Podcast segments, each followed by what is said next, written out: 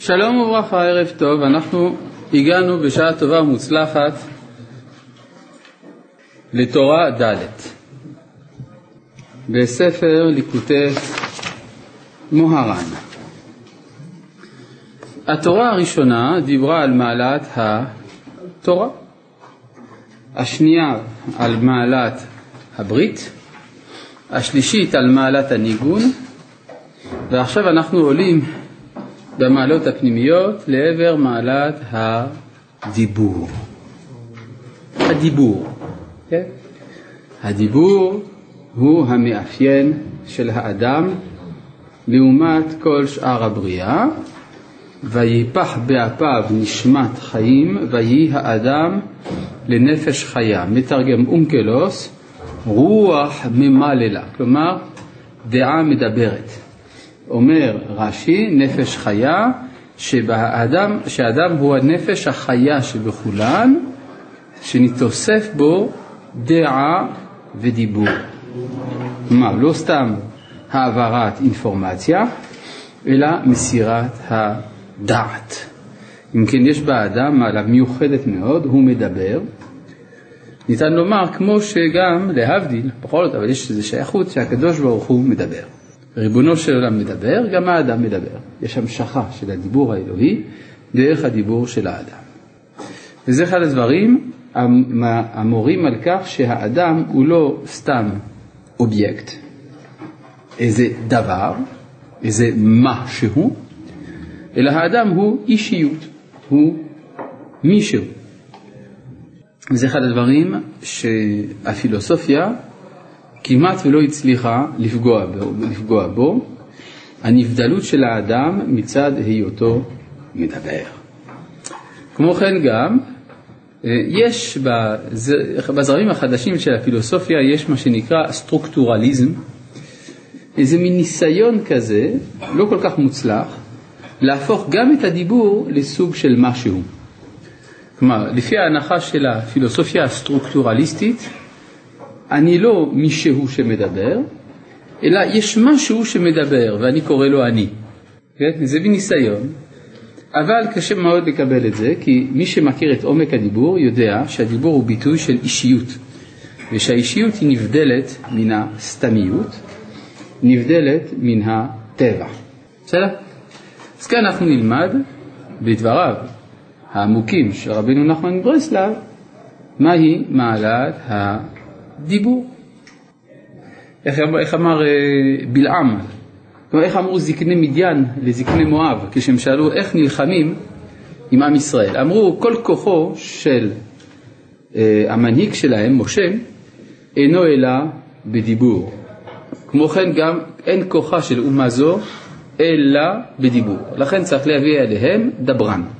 לשם כך הביאו את בלעם בן בעור שיילחם בדיבור נגד האומה של הדיבור. כלומר, הבינו זקני מדיין מהו כוחו של עם ישראל, כוח פנימי מאוד שנוגע בראשית ההוויה האנושית, בנשמה של האדם. למה אתה כזה מבסוט אבישי? מה עשיתי? אמרתי משהו מצחיק? טוב. אז אה, איפה מצאנו את הדיבור? הדיבור זה מה שנקרא בתורה אנוכי. כן, יש אפילו בגמרא הבחנה הלכתית בין מצוות שלפני הדיבור למצוות שאחרי הדיבור. מה זה מצוות שלפני הדיבור? לפני מעמד הר סיני. כלומר, ההתגלות של הדיבור הייתה בעלת משמעות אפילו על תוכן המצוות.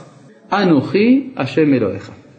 ברגע שהייתה ההתגלות הזאת, מאותה שעה נשתנה המבנה של העולם. המבנה של העולם הנפשי של כל אחד ואחד, אבל גם של הקוסמוס של ההוויה בכללה, עד מעמד הר סיני אנחנו בעולם שבו האלוה נסתר, מכאן ואילך האלוה גלוי.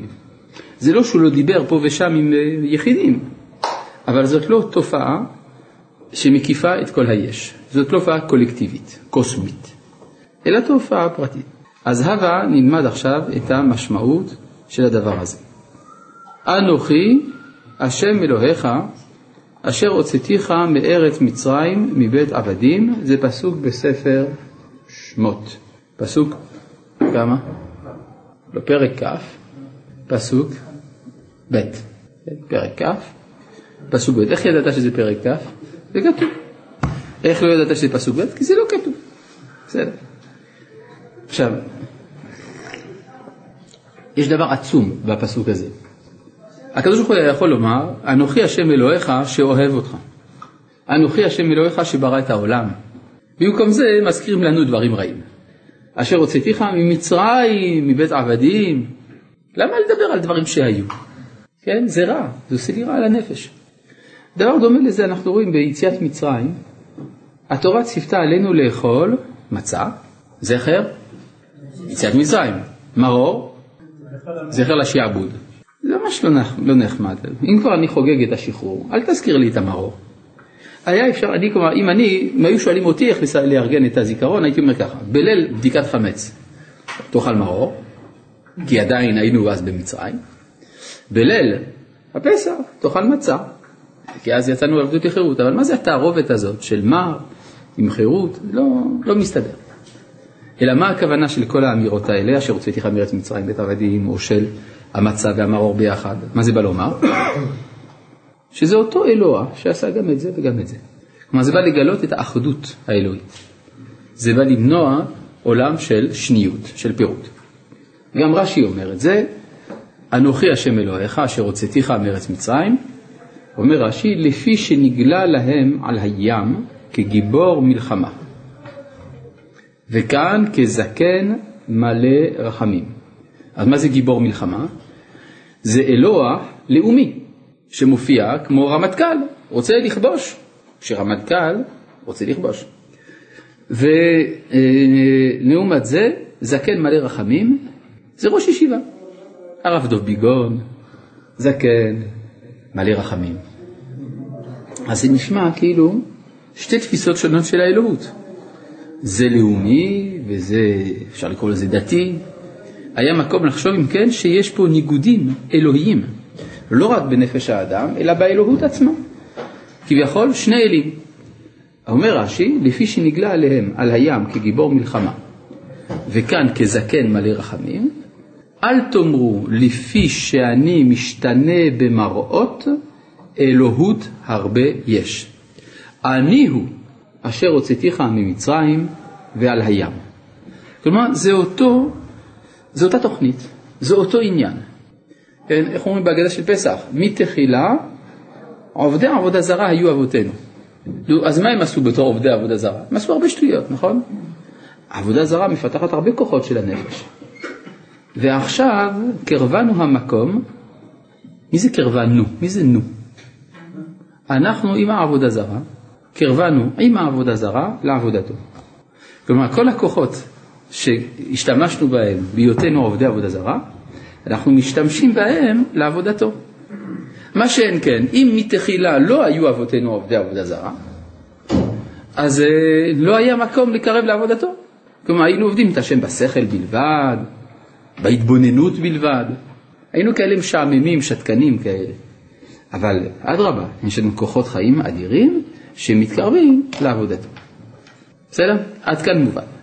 מתוך כך מובנת האמירה שאדם צריך לברך על הטובה וגם לברך על הרעה, נכון?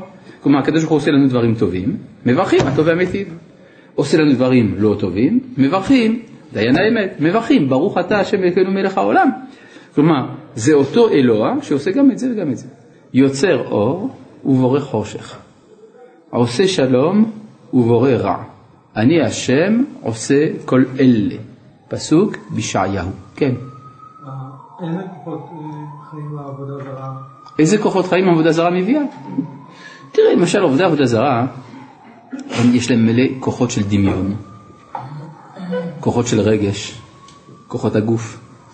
כל הדברים האלה הם חזקים מאוד אצלם. מלאי ריקודים אקסטטיים וכל מיני קשקושים בנפש. שעובדי השם, קשה להם להזדהות עם זה. עובדי השם, הם אומרים השם אחד. השם אחד זה שכל בלבד. מובן? כן. לא היה מסורת לעם ישראל פעם שיש לא אחד מה... זה כל העניין עם יעקב ובניו שהוא מת. אתה אומר שהייתה כבר מסורת לאבותינו שיש השם אחד. כן, אבל מי זה אותו השם אחד? אחד בין כל כובשי הארץ. כלומר, היו 12 שבטים, ולא היה ברור שכל השבטים שייכים לכיבוש הארץ. אבל אלוה שנותן תורה זה היה חידוש. אז אולי האלוה שנותן תורה הוא אלוהי משה, בעוד שהאלוה שנותן את הארץ הוא אלוהי ישראל. אז היה צריך שהאלוה הנותן תורה יגלה שהוא בעצמו זה שנותן את הארץ. כבר? טוב, אז אחרי כל ההקדמות היפות והעמוקות האלה, אנחנו יכולים לגשת אל הטקסט, שהוא עוד יותר עמוק מן ההקדמות שלי. כשאדם יודע, אני קורא כאן בפסקה א' של תורה ד', כשאדם יודע שכל מאורעותיו הם לטובתו, איך אדם יודע את זה? שכל המאורעות הם לטובתו. כי הוא מאמין בהשם. כן, אנוכי השם אלוהיך אשר הוצאתי לארץ מצרים, זה בעצם מורה על כך. אז כשאדם יודע שכל מאורעותיו הם לטובתו, זאת הבחינה היא מעין עולם הבא. נכון, בעולם הזה אני לא רואה שהכל לטובה. אולי אני מאמין, סיפרו לי שהכל לטובה. אני לא רואה את זה. אני רואה הרבה הרבה צרות בעולם. איך אפשר להגיד לאדם שיש לו צרות, זה טוב. אה, לך תחפש את החברים שלך. אולי אתה רוצה להחליף איתי? כן?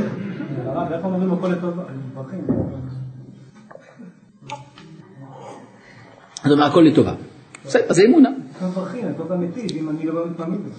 הטוב והמיטיב אומרים את זה על הטובה. על הרעה לא אומרים הטוב והמיטיב. על הטובה, על הרעה אומרים דיין האמת, נכון? על הטובה אומרים הטוב והמיטיב. זאת אומרת שאנחנו לא מסוגלים בעולם הזה לברך הטוב והמיטיב על הרעה. נכון? לכן כשמישהו יודע, יודע בידיעה פנימית, ברורה, ודאית, שהרע הוא לטוב, אז זהו סימן שהוא בעולם הבא. הוא כבר מברך הטוב והמיטיב על הרע. כן, אז זה בחינה שהיא לא שייכת לעולם הזה. כן, גם אה, אנשים צריכים להיזהר, למשל אומרים, זה טוב מה שקורה, זה לא נכון. אומרים, איך הביטוי של נחום איש גמזו? גמזו לטובה. הוא לא אמר גמזו טובה, אלא זה לטובה. מה זה לטובה? זה עתיד. אז מה זה הזו? זה הרע. כשאתה אומר זו, גם זו, כלומר גם הרע הזה, עתיד להיות לטובה. ומה זה יכול לטובה? איפה רבי עקיבא אומר את זה? כל דעביד, אה, אתה מתכוון בארמית. כל דעביד רחמנה, מה ההמשך? לטב עביד, לא אמר תב הוא. הוא לא אומר זה טוב, הוא אומר זה לא טוב. זה בדיוק כמו הביטוי של רבו נחום איש גמזו. לאותו ביטוי בול, אין שום הבדל. שניהם מדברים על עתיד. לתו עביד, גם זו לטובה. למד היא אות שמורה על עתיד, כידוע מהדקדוק, נכון? טוב, הלאה. אם כן, כשאדם יודע שכל מאורותיו לבריאות הם לטובתו, זאת הבחינה היא מעין עולם הבא, כמו שנאמר בתהילים, בשם אהלל דבר, באלוהים אהלל דבר. מה זה בשם? כשמתגלה מידת הרחמים, שם הוויה, י"ק ו"ק. ואלוהים, כשמתגלה מידת הדין, אלוהים. אז לפעמים יש רחמים, לפעמים יש דין. מה אומר המשורר בתהילים? בשם, כמו כשיש מידת הרחמים, אהלל דבר. באלוהים אהלל דבר. זאת הבחינה היא מעין עולם הבא. כמו שאמרו חז"ל בפסחים, ביום ההוא, זה פסוק בזכריה, ביום ההוא יהיה השם אחד, ושמו אחד. ויקשו, וכי העידנה לאו הוא אחד? מה אתה אומר ביום ההוא יהיה השם אחד ועכשיו הוא לא אחד? ותרצו, חז"ל, העידנה מברכין על הטובה, הטוב והמיטיב, ועל הרע, דיין האמת. ולעתיד, כולו הטוב והמיטיב, שיהיה שם השם ושם אלוהים, אחדות אחד. כלומר, בעולם הזה אנחנו מבחינים בין השם לבין אלוהים, לעתיד לבוא, השם הוא האלוהים. מתברר שזה עניין אחד. מבחינה מסוימת ניתן לומר ששם אלוהים, אם כן, ייבלע בתוך שם השם. אליהו בכרמל. כן, בכרמל, עם אליהו הנביא, לרגע אחד זה התמצץ. למה? מה קרה אחר כך? רצו לשחוט את אליהו. הוא בהתחלה שחט 400 נביאי בעל, לא רע. מבסוט ממה שהוא עשה, מגיע ליזרעאל, לבית הארמון הקיץ, מארמון החורף של מלכי ישראל, בחלון המלכה, איזבל, אומרת לו, אני הולך להרוג אותך. הולכת להרוג אותך. מה עושה אליהו? בורח. מה זה בורח? הוא עכשיו הרג 400 נביאי הבעל, הוא צריך לברוח? אלא מה? הוא רואה שהמדינה ממשיכה להיות נגדו. כלומר, כדי שהמלכה תוכל להרוג את אליהו, צריך שהמשטרה, הצבא, יהיו איתה. סימן שזה לא עבד בכלל. אז לרגע אחד אמרו השם הוא אלוהים, השם הוא אלוהים. אחרי הצהריים, אחרי שהם התרגשו מאוד, חזרו לעבוד את הבעל. בסדר? אבל התגלה של האחדות. מה התגלה אז? ראו את האש מן השמיים, לא? כן. זוכר, זוכר, יש אפילו הפטרה. זאת הפטרה שלא קוראים אותה תמיד, כי לא תמיד פרשת פנחס יוצאת. לפעמים היא יוצאת בתלתא דפורענותא, ואז יוצא שלא קוראים את ההפטרה הזאת בפנחס, אבל לפעמים כן קוראים. בסדר? מה? בגלל האש ירדה מהשמיים, אז זה האחדות האלוקית בין ה... לא, ראו גילוי אלוהים, כן? אז אם כן אמרו, השם הוא האלוהים, אבל זה רק לשעתו. איך כתוב? כי שמש ומגן, השם אלוהים. יש פסוק כזה או לא? כן. כן, החבר'ה הספרדים אומרים את זה לפני מנחה, ולנצח על הגיתית תבנה כוח מזמור, אז זה בסוף מסתיים ב"כי שמש ומגן השם אלוהים, חן וחבו ניתן השם לא ימצא לאורחים ותמים", נכון? אז אם כן, אה, כתוב כי שמש ומגן השם אלוהים. אז מי דומה לשמש? השם. מי דומה למגן? אלוהים. כן, כי שמש ומגן השם אלוהים. הכיצד? פשוט מאוד. למה אני צריך מגן? כי השמש מסוכנת. כן, יש שמש, שמש זה מאוד נחמד, זה נותן אור, זה נותן חום, זה נותן שיזוף, אבל צריך להיזהר, אפשר להישרף, אפשר להתייבש, אפשר להסתנוור, אפשר לקבל מכת שמש, אז מה עושים? יש מגינים, קרם, שמשייה, נכון? יש כל מיני דברים, מה שנקרא מגן, מפני השמש. אז השמש זה הי"ק ו"ק, כן? המפגש הישיר עם האינסוף זה מסוכן מאוד. אני עלול להתבטל, להיעלם מול הגילוי הזה. לכן אני זקוק לאלוהים. אלוהים מגן. מה זה אלוהים? הטבע. יש כל מיני כוחות אימפרסונליים שנותנים לי, התחו, לי את התחושה שאני יכול להסתדר בעולם בלי הקדוש ברוך הוא. אני עם אלוהים. אלוהים זה זה הקדוש ברוך הוא אבל אינקוגניטו, לא, לא רואים אותו, נכון? מה? אינקוגניטו. לא רואים, מה? מה אתה שואל? מה זה אינקוגניטו? אה, מה אתה שואל מה זה אינקוגניטו? זאת מילה לטינית שפירושה בלי שישימו לב, בלי שידעו מי הוא. למשל אדם נגיד הוא אדם מפורסם מאוד, ראש ממשלה או אומן ידוע וכדומה, הוא רוצה לצאת לחופש לאיזשהו מקום, והוא לא, לא מעוניין שישימו לב שהוא שם, אז הוא נמצא שם, אבל אף אחד לא, לא שם לב, כאינקוגניטו. אז אותו דבר, ריבונו של עולם, הוא לא רוצה שישימו לב שהוא פה. אז הוא שם מסך, המסך הזה קוראים לו אלוהים, בסדר? מצד שני זה מידת הדין. כלומר, מציאות כזאת שבה אין קרבת אלוה, זה מידת הדין. זה נורא להיות בעולם שבו אני לא פוגש את מי שאמר והיה עולם, שבו אני לא פוגש את הבורא. אבל בינתיים אין ברירה, כלומר צריך איזשהו זמן שבו אני קונה לעצמי את, ה... אפשר לומר, את זכות הקיום. אז יש כמה אלפי שנים, ורוב הזמן שבהם יש אלוהים, לא רואים את השם.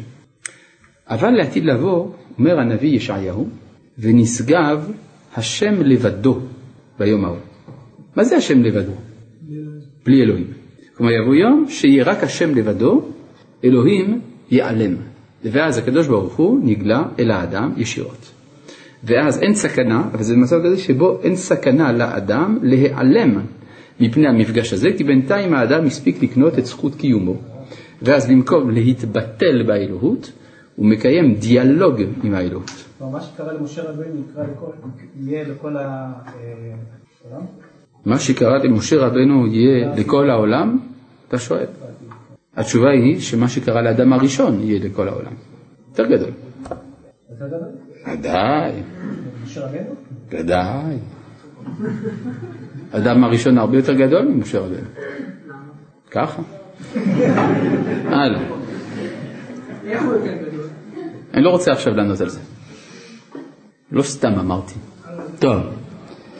אה, ותרצו חז"ל, האי דענה, אם כן, מברכים על הטובה הטוב האמיתי ועל הרע דיין האמת, ולעתיד כולו הטוב האמיתי, שיהיה שם השם ושם אלוהים. אחדות אחת. וזאת הבחינה, אי אפשר להשיג. כלומר, אנחנו במצב, אומר רב נחמן, שבו זה בלתי אפשרי להגיע למצב כזה, להכיר שהכל לטובה, אלא כשמעלה בחינת מלכות דקדושה מהגלות מבין הגויים. מה? אז מה אם כתוב עקום? כל מקום שכתוב עקום זה צנזורה.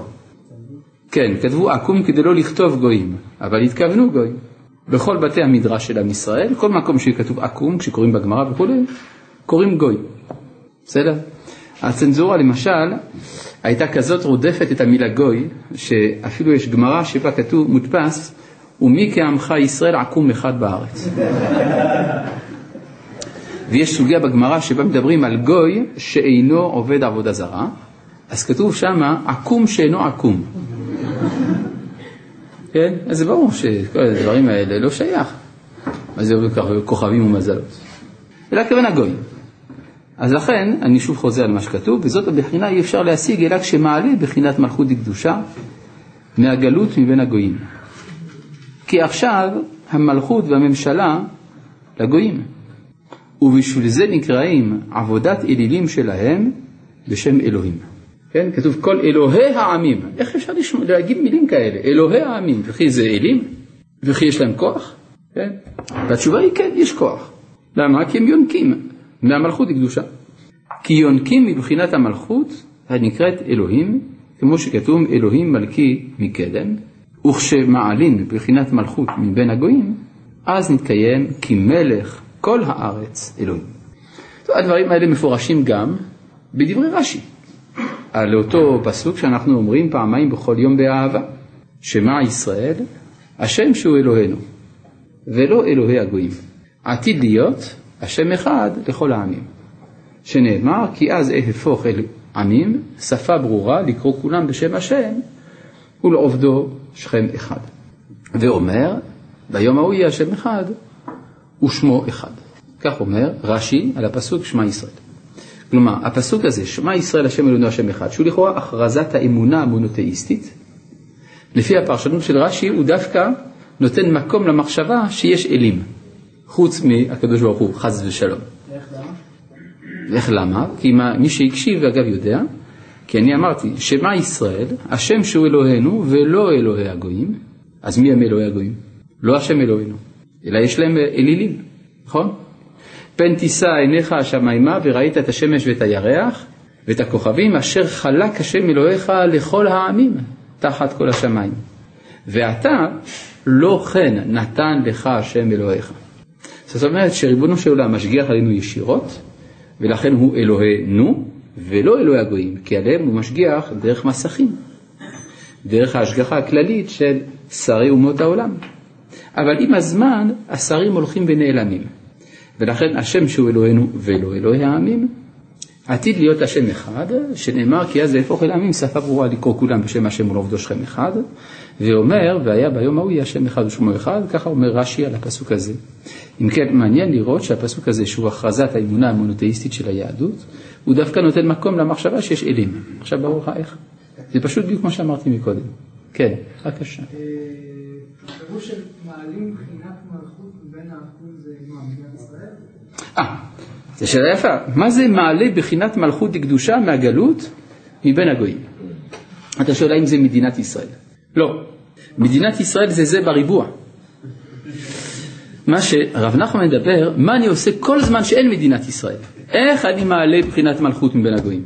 כלומר, איך כשאני נתון בתוך הקליפה הנוראה הזאת, שרובצת עלינו, של השליטה הרוחנית והמדינית של האומות עלינו, איך אנחנו מצליחים בתוך המצב הזה להיות בני חורין.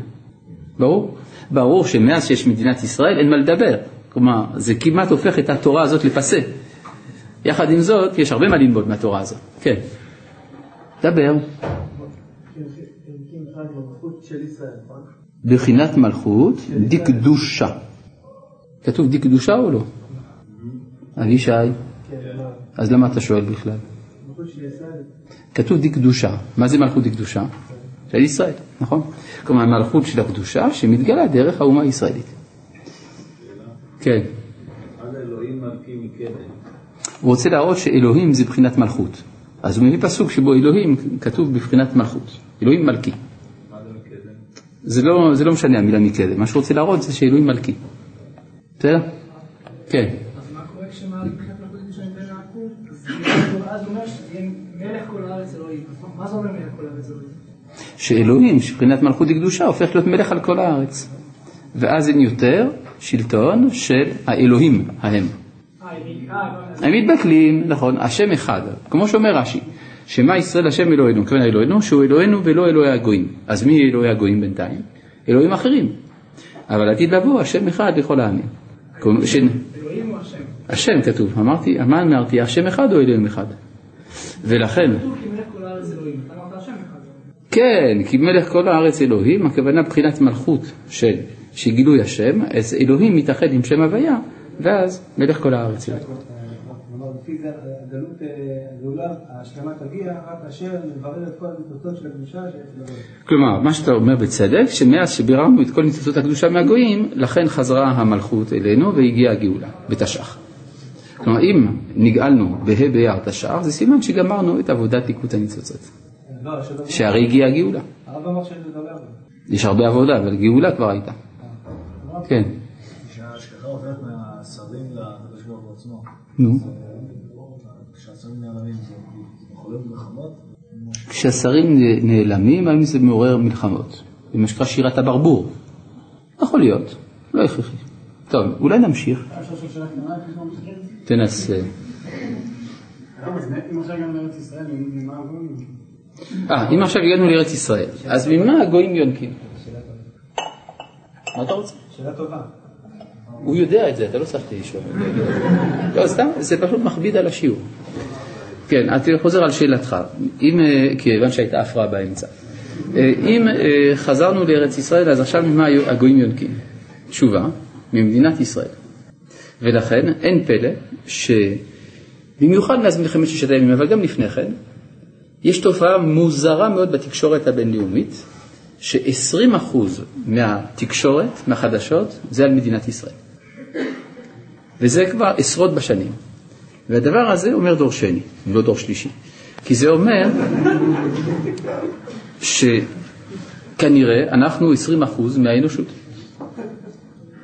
מכאן שיש לפחות מיליארד יהודים, אולי אפילו קצת יותר, נכון?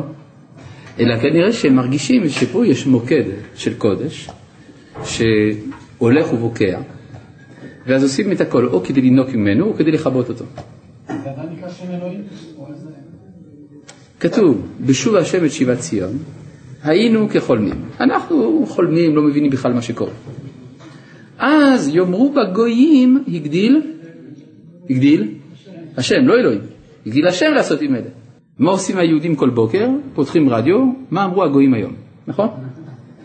אמרו, אז גם הגויים הגדיל השם לעשות עם אלה. אז מה אמרו היהודים? מה הם אמרו? הגדיל השם לעשות עם אלה. וואו, אם הגויים אומרים זה בטח נכון. הגדיל השם לעשות עמנו, היינו שמחים. בסדר? בסוף, אז יוצא שגם הישראלים בסוף מסכימים לזה, בסוף גם הדתיים, ובסוף בסוף גם הרבנים. כן, הלאה. ואי אפשר, עכשיו, פה, כל מה שאנחנו מדברים פה זה על מדינת ישראל, אבל רב נחמן, הוא נמצא בעולם שבו אין הגילוי של האור הגדול הזה. בזמן הגלות, הרבה דברים שבויים. הדבר השבוי העיקרי הוא הדיבור. כן, כלומר, אה, עם ישראל אין לו מה לדבר בזמן הגלות. אף אחד לא מקשיב, הפה שלנו חסום, וגם כשאנחנו מדברים אף אחד לא מקשיב. היה איזה גוי אחד לפני 300 שנה, בשם ז'אן ז'אק רוסו. פילוסוף. מה? מה אתה אומר? אני אמרתי יהודי? כמה שאלות שמספרים לילדים סיפורים, אז אומרים ככה, האם זה היה באמת? האם זה כאב לו? האם הוא בכה? האם הם היו יהודים? כן. לפעמים שואלים האם היו דתיים. כן. לא, ז'אן ז'אק רוסו היה גוי. גוי. עכשיו, הוא כתב הרבה דברים, הוא אבי הרעיון של האמנה החברתית ועוד כל מיני דברים יפים. הוא אמר שבאחד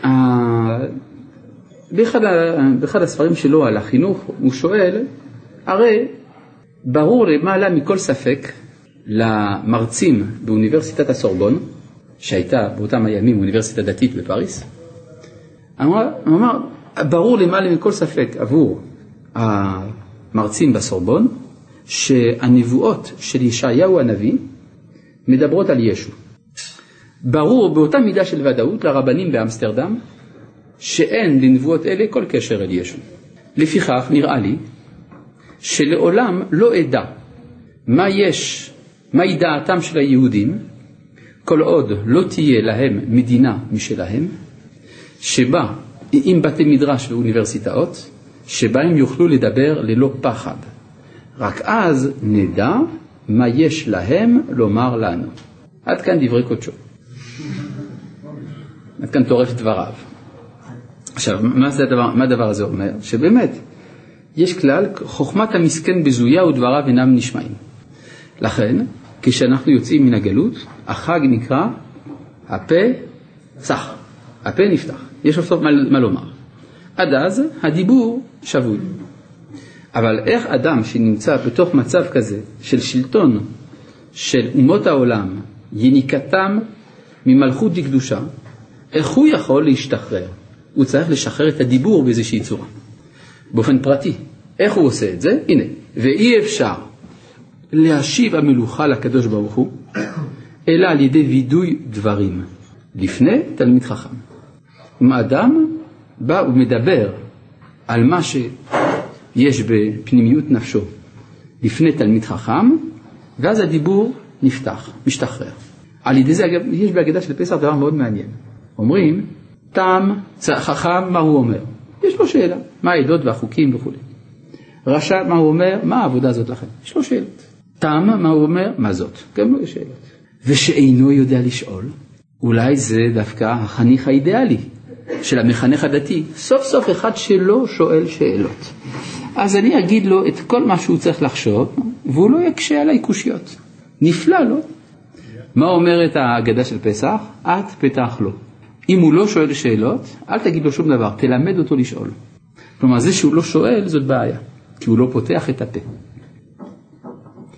לכן הוא אומר, ואי אפשר להשיב המלוכה לקדוש ברוך הוא אלא על ידי וידוי דברים לפני תלמיד חכם, על ידי זה מתקן ומעלה בחינת מלכות לשורשה. וזהו פירוש, קחו עמכם דברים ושובו אל השם. נכון? פסוק כזה בהושע, בהפטרה של שבת שובה. קחו עמכם דברים ושובו אל השם. מה זה קחו עמכם דברים?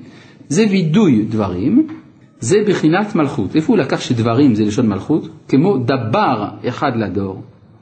דבר לשון מנהיג ומושל, לא סחבק, מנהיג. זאת אומרת, אה, דבר, כן, לשון להדביר. להדביר זה להנהיג. מה, מה קרה? אה, אני רואה את הברק בעיניים שלכם. עכשיו, מה? אז רגע שנייה, שאני רוצה להסביר. אז בעצם מה שאומר שדיבור ודבר זה אותה בחינה. למה דבר זה? זה המשמעות של המילה הזאת בחז"ל.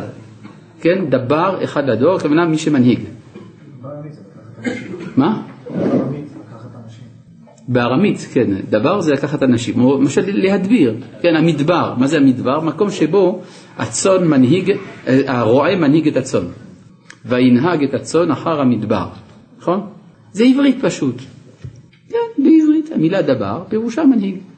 אז הוא אומר שגם דבר דומה למילה דבר, ולכן קראו עמכם דברים, כלומר אתם צריכים להעלות את המלכות על ידי דיבוריכם.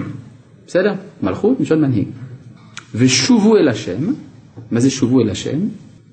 שלא שובו אל אלוהים, אלא שובו אל השם. שיתקנו ויעלו את הדברים, את בחינת מלכות בחינת אלוהים, אל השם. היינו כנ"ל, בשם מעלל דבר, ואלוהים מעלל דבר, היינו שידע שכל מאורעותיו כולם לטובתו, ויברך על כל הדברים הטוב והמיטיב. כלומר, על ידי שאדם עושה וידוי דברים לפני תלמיד חכם, על ידי כך הוא, הפה, הדיבור, נגאל, ומכוח זה הוא זוכה לבחינת לעתיד לבוא, שהכל אחד ואין דבר שהוא רע, הכל לטובה. כן, מה השאלה? וידוי דברים זה וידוי חטא? כאילו זה על חטא? אבל מה זה וידוי- האם זה על חטא? האם וידוי פה על חטא? בואו נבדוק מה כתוב כאן. אי אפשר להשיב המלוכה לקדוש ברוך הוא אלא על ידי וידוי חטא לפני תלמיד חכם? לא כתוב, נכון? וידוי דברים, אני עוד לא יודע מה זה וידוי דברים, אבל לא כתוב שזה דווקא חטא. זה... זה יכול להיות גם על חטא, אבל לאו דווקא. אבל למה דווקא לפני תלמיד חכם? למה דווקא לפני תלמיד חכם? זה בשביל זה רב נחמן מקבל משכורת, להסביר לנו את זה. בסדר? בכלל יש כלל גדול, שכל מה שרב נחמן רוצה להסביר הוא מסביר, ולכן הדרך היותר פשוטה להבין מה הוא מתכוון, זה פשוט לקרוא אותו. והאפשרות לקרוא אותו היא תלויה בזה שייתנו לי לקרוא, כן? בבקשה, מה השאלה? לא לא. מה זה? לא כשמשה רבנו אומר לא איש דברים אנוכי, למה הוא מתכוון? אני לא יודע, כי זה לא הפסוק שאני לומד עכשיו. לא, זה מספיק מסובך גם ככה. לא צריך להוסיף דברים שבאופן אסוציאטיבי מתקשרים. אני זוכר פעם היה לי תלמיד לפני כמה שנים, כל דבר שהייתי אומר, הוא היה אומר, האם זה לא קשור ל... אז אמרתי לו, זה לא אכפת לי למה זה קשור. מה שאני רוצה לדעת זה מה שנאמר. אחרי זה נראה אם זה קשור למשהו. בסדר? כן, כי זה מזכיר כל מיני דברים מעניינים, אבל ככה אי אפשר להתקדם. נכון? אתם מסכימים איתי? נפלא. אתה רואה? כולם מסכימים שאי אפשר ככה להתקדם. טוב, וכשידע, אגב זה אחד הטריקים הידועים של מרצה, כלומר אם יש מישהו בקהל שמהווה בעיה למרצה, אז הוא מקומם את שאר הציבור עליו. כן, טוב. לא, לא חס וחלילה ש... טוב. מה? אני מצטער, אבל התהליך האסוציאטיבי שבן אדם עובר כשהוא שומע משהו זה גם הצורה שהוא מוודא את האמת. נכון. אז, אז להגיד לבן אדם שלא יעשה שאלות אסוציאטיביות, אתה צודק לחלוטין, אמנם זה נכון שהאסוציאציות זה מה שעוזר לאדם להבין את מה שנאמר, אבל אני לא יכול להיענות לזה, מסיבה פשוטה, כי אני רוצה לתת שיעור שהוא טוב לכולם, והאסוציאציות שבנפש שלך הן שונות מהאסוציאציות שבנפש של השני. ואז אני צריך כ- כמספר התלמידים, כך מספר האסוציאציות, לפחות אסוציאציה אחת לכל שנייה. אז אני צריך להתייחס לכל זה, מה יהיה? טוב.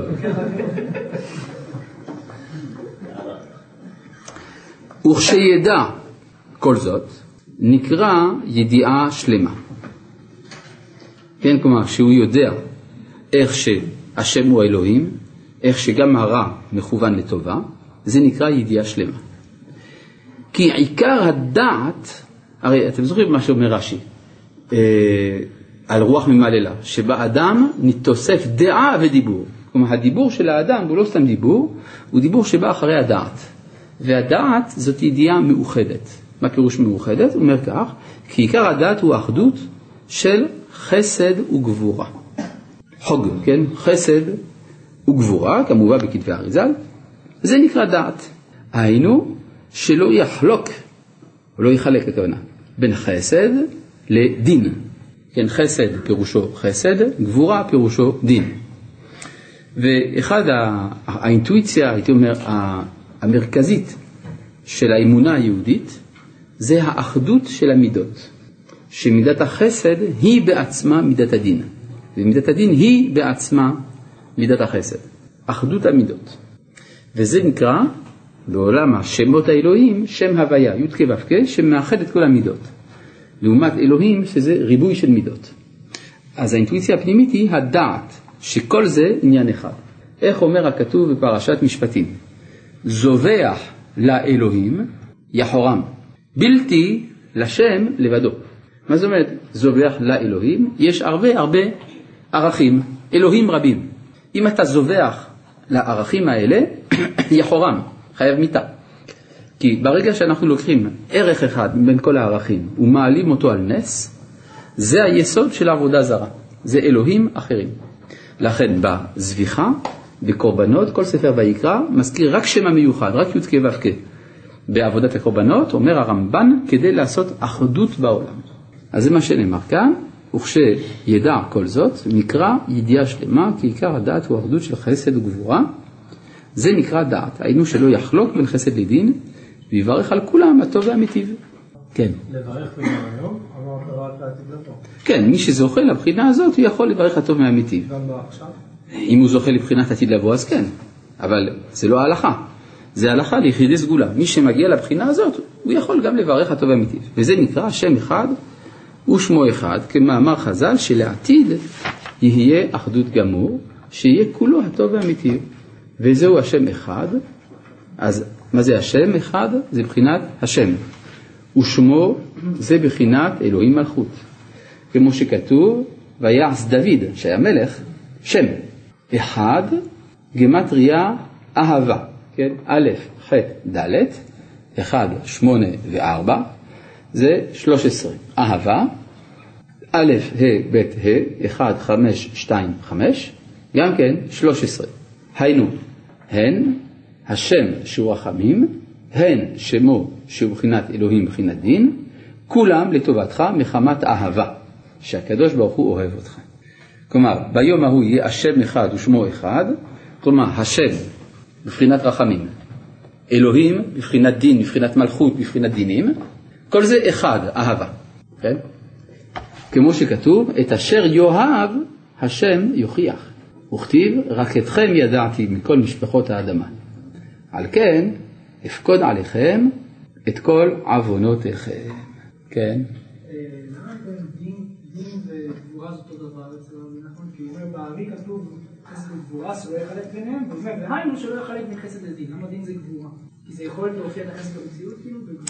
אה, גבורה ודין זה אותו דבר, זה מילים מתחלפות אצל המקובלים. לכן פשוט הוא מסביר לך, כיוון שהוא הביא ביטוי של הארי, אז הוא מתרגם לך אותו בעברית, של ימינו, דין. בסדר, אז עכשיו זה, אה, הבנו אם כן מהי המגמה. המגמה היא גילוי האחדות, ומי שמגלה את האחדות בין החסד לבין הדין, בין הטובה לבין הרעה, אז הוא בבחינת לעתיד לבוא, יש בחינה של אהלל דבר על הכל, כמו אכילת מצה ומרור, וכמו אה, אכילת, אה, אה, כמו, איפה עוד מצאנו האחדות? יש כל מיני ביטויים של האחדות, כמו אנוכי השם אלוהיך אשר הוצאתיך מארץ מצרים וכולי, כן. אם השם הוויה זה חסד, לא, שם הוויה זה רחמים, כן, ואלוהים זה מידת הדין, נו אז מה? אה, למה השם של הרחמים כולל את הכל? כי הקדוש ברוך הוא מטה כלפי חסד, שגם הדין הוא כלול ברחמים, לא ההפך. כן, שהדין משמש לרחמים. כמו אשר יאהב השם יוכיח, כלומר אדם נותן, אדם נותן תוכחה לבנו. האם הוא שונא את בנו או אוהב את בנו? הוא אוהב, אבל זה מתגלה לכאורה כדין, כן. למה האחדות קשורה דווקא לאהבה? למה?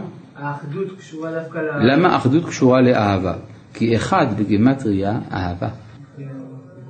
מה זה אהבה? זה שאני מחובר. אני אוהב, כלומר יש לי קשר. אז אם אני אוהב באמת, הכל, הכל קשור. איך אומר הרב קוק? האהבה צריכה להיות שלמה בלב לכל. אם אתה אוהב, אין גבול למה שאפשר לאהוב. רחמים? חסד רחמים, לעניין זה זה אותו דבר. לעניין זה. בסדר? המשך. ועוונותיו של אדם. אה, אדם שיש לו עוון, הוא לא יכול לחוש את האחדות הזאת. איך אומר הרב קוק באורות התשובה? העבדות החטאית. כל זמן שאדם בחטא, הוא עבד. כלומר, החזרה בתשובה באה בגלל התביעה הפנימית של חירות של נפש האדם. הנשמה לא יכולה לסבול יותר את הכבלים שהחטא מטיל עליה, הכבלים הכבדים האלה. צריך לצאת מזה, צריך לשחרר. ועוונותיו של אדם, עוונותיו, איפה הם? הם על עצמותיו. אתה רוצה לראות כמה עבירות יש לבן אדם? פשוט תסתכל על העצמות שלו, הכל כתוב שם. פשוט, תיקח. תעביר ברנטגן, אומר הטכנאי רנטגן, וואו, כמה עבירות, אה? כן. ועוונותיו של אדם הם על עצמותיו. מה זאת אומרת שהם על עצמותיו? תגידו לי. למה משמשות העצמות? העצמות משמשות להעמיד את האדם, נכון? בלי עצמות אנחנו הופכים להיות ברבא אבא, נכון? או יותר גרוע מזה, הג'יני של אלאדין, מרשמלו כזה, נכון? מרשמלו, כן, לכן זה נקרא יצר הרע, שהוא לא מרשמלו. אה, עכשיו, זאת אומרת, זאת אומרת, העוון חקוק בעצמות של האדם, כלומר במבניות הנפשית שלו, זה הכוונה. במבניות הנפשית שלו. במבניות, מבניות, סטרוקטורליות הנפשית שלו. אם כן, אומר כאן, ועוונותיו של אדם הם על עצמותיו, כמו שנאמר, ותהי עוונותם חקוקה על עצמותם, פסוק ביחזקאל. וכל עבירה יש לה צירוף אותיות. זאת אומרת, כל עבירה, כמו כל מצווה, זה ביטוי של רצון. אבל יש רצון ישר, יש רצון עקום. כשהרצון הוא ישר, האותיות הן אותיות יפות, הן אומרות מילים יפות. ברגע שזה עבירה, זה רצון עקום, שמופיע כמילים רעות. לכן הוא אומר, וכל עבירה יש לה צירוף אותיות. אותיות זה אבני היסוד של הדיבור. כלומר, העבירה משנה את אופי הדיבור של האדם. וכשעבר איזה עבירה? אזי נחקק צירוף רע על עצמותיו. ועל ידי זה מכניס בחינת הדיבור של הלאו הזה שעבר בתוך הטומאה. הרי יש אותיות בתורה שאומרות אל תעשה ככה, אל תעשה ככה. אז אם אדם עבר עבירה, האותיות של הדיבור האלוהי הזה עוברות אל הטומאה, כי כל דבר מחזיק על ידי דיבור. איך אומר הבעל שם טוב על הפסוק, לעולם השם דברך ניצב בשמיים. נכון? זה פסוק בתהילים קי"ט? יש פסוק כזה, נכון? כן. איך אתה יודע? בפתיחת ההיכל של, של ימים נוראים, שומעים את זה כמה פעמים, נכון? לעולם השם דברך ניצב בשמיים. מסביר הבעל שם טוב, מה זה דברך? דברך שאמרת יהי רקיע בתוך המים. הדיבור הזה עד עכשיו נמצא בשמיים, הוא מחיה את השמיים. ויקרא אלוהים לרקיע שמיים. אז מכוח מה הרקיע מתקיים? בגלל הדיבור יהי רקיע. אז לעולם השם דברך שאמרת יהי רקיע ניצב עד עכשיו בשמיים. ברור? אז מה? מה, מה, מה מחזיק את השמיים? הרצון האלוהי, נכון? מהו הרצון האלוהי שיהיה שמיים? יהי רקיע בתוך המים, נכון או לא? כן. אתה בטוח מה שאתה אומר? מה זה משנה מה זה יהי רקיע? הרקיע זה סוג של שמיים, נכון? כתוב ויקרא אלוהים לרקיע שמיים. אוקיי.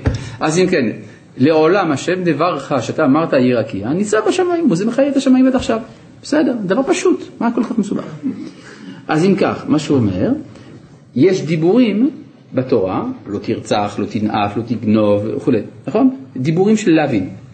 הדיבורים, האותיות האלה, הרצ... הרצון האלוהי הזה, כביכול נופל אל הטומאה, כן? זה מה שאומר כאן. ועל ידי זה מכניס בחינת הדיבור של הלאו הזה שעבר בתוך הטומאה. היינו שמכניס בחינת מלכות, שהיא בחינת דבר אחד לדור, הוא מכניס אותה בתוך הגויים ונותן להם ממשלה. למשל, אם עבר על דיבור של הלאו לא יהיה לך. איפה זה לקוח הפסוק הזה? מה? בעשרת הדיברות. שמות פרק כ'. איך אתה יודע? זה כתוב. איזה פסוק? ג'. נכון. כן, ג'. כן. אם עבר על דיבור של עליו לא יהיה לך, אזי מחריב הצירוף הטוב של הדיבור ובונה צירוף רע, ונחקק הצירוף הזה על עצמותיו, ונוקם בו. כלומר, הדיבור מתוסכל נורא. במקום שיעשו מה שנאמר בו, עשו את ההפך. ועכשיו הדיבור שבוי בתוך העצמות, אז הוא נוקם בעצמות. כמו שנאמר, עוונותיכם היטו אלה, וכתיב תמוטט רשע רעה. כלומר, הרע שהוא עשה זה מה שהורג אותו. ועל ידי וידוי דברים, הוא משתמש שוב בדיבור, יוצא מעצמותיו האותיות החקוקים עליהם, ונעשה מהם הדיבור של הווידוי. אשמנו, בגדנו וכולי. כלומר, אדם אומר את המילים האלה, ואז הוא מעלה את הלאווים האלה מן העצמות.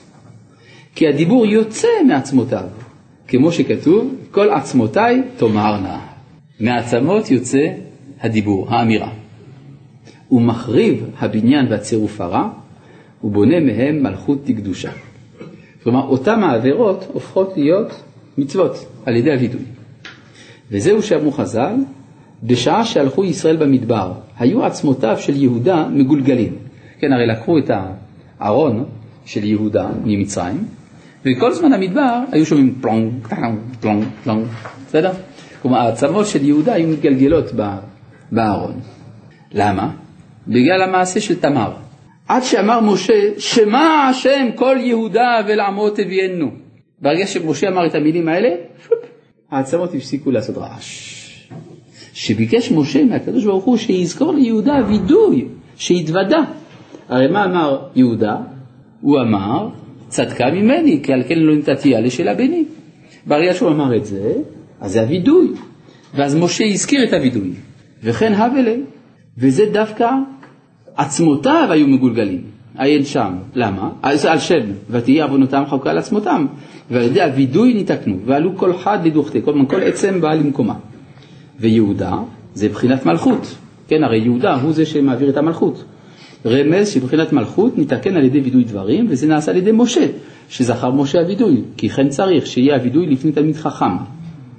אז משה ודאי תלמיד חכם, לא? וכל תלמיד חכם הוא בחינת משה, כמו שאמרו, משה שפיר כאמר. ובזה שזכר משה הווידוי, נעשה כאילו התוודה עכשיו לפני משה, ועל ידי זה נתקן בחינת המלכות ונחרב הצירוף הרע שנחקק על עצמותיו. מה? לא. אה, למה צריך בכלל את תלמיד חכם? לא, למה משה הזכיר. למה צריך משה, למה צריך תלמיד חכם? זה מה שאתה שואל.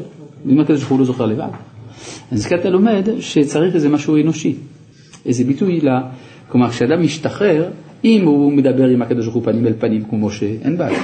אבל אם לא מדבר פנים אל פנים, אז זה הוא תלמיד חכם. עד כאן להיום, שלום.